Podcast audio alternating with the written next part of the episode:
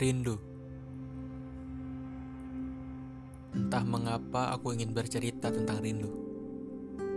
Entahlah, suasana seperti ini makin menyadarkanku bahwa aku butuh dia untuk selalu ada di setiap hariku.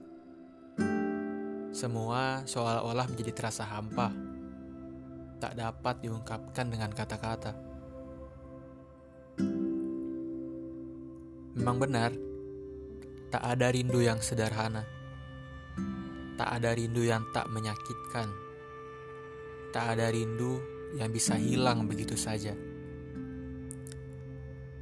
Jika saja rindu itu sederhana, maka pertemuan bukanlah hal yang sulit.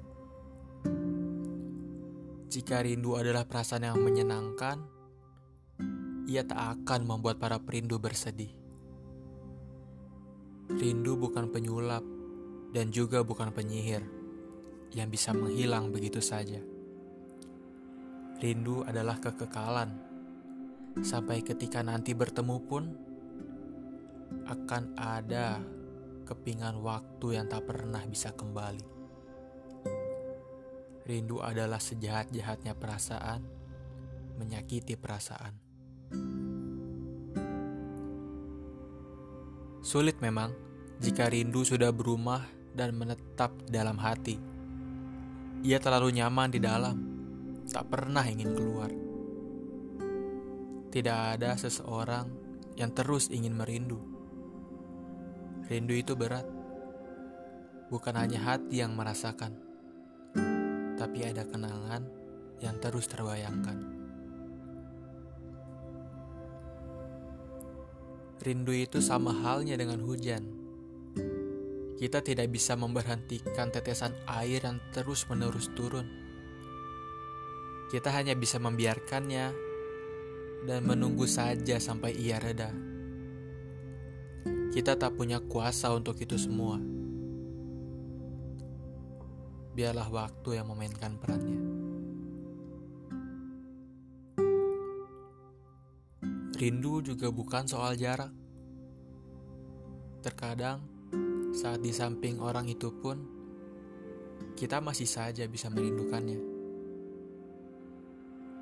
Entah merindukan kenangannya, hal yang dilakukan bersama, ataupun lainnya. Tapi memang betul adanya. Jika kamu ingin mengobati rindu, maka pertemuan adalah jawabannya. Tapi ingat, mengobati rindu. Obat juga butuh proses. Dan tidak semua obat bisa benar-benar menyembuhkan. Setidaknya, saat itu kamu bisa melupakan sejenak semua kata rindu yang terus bergumam di dalam pikiranmu.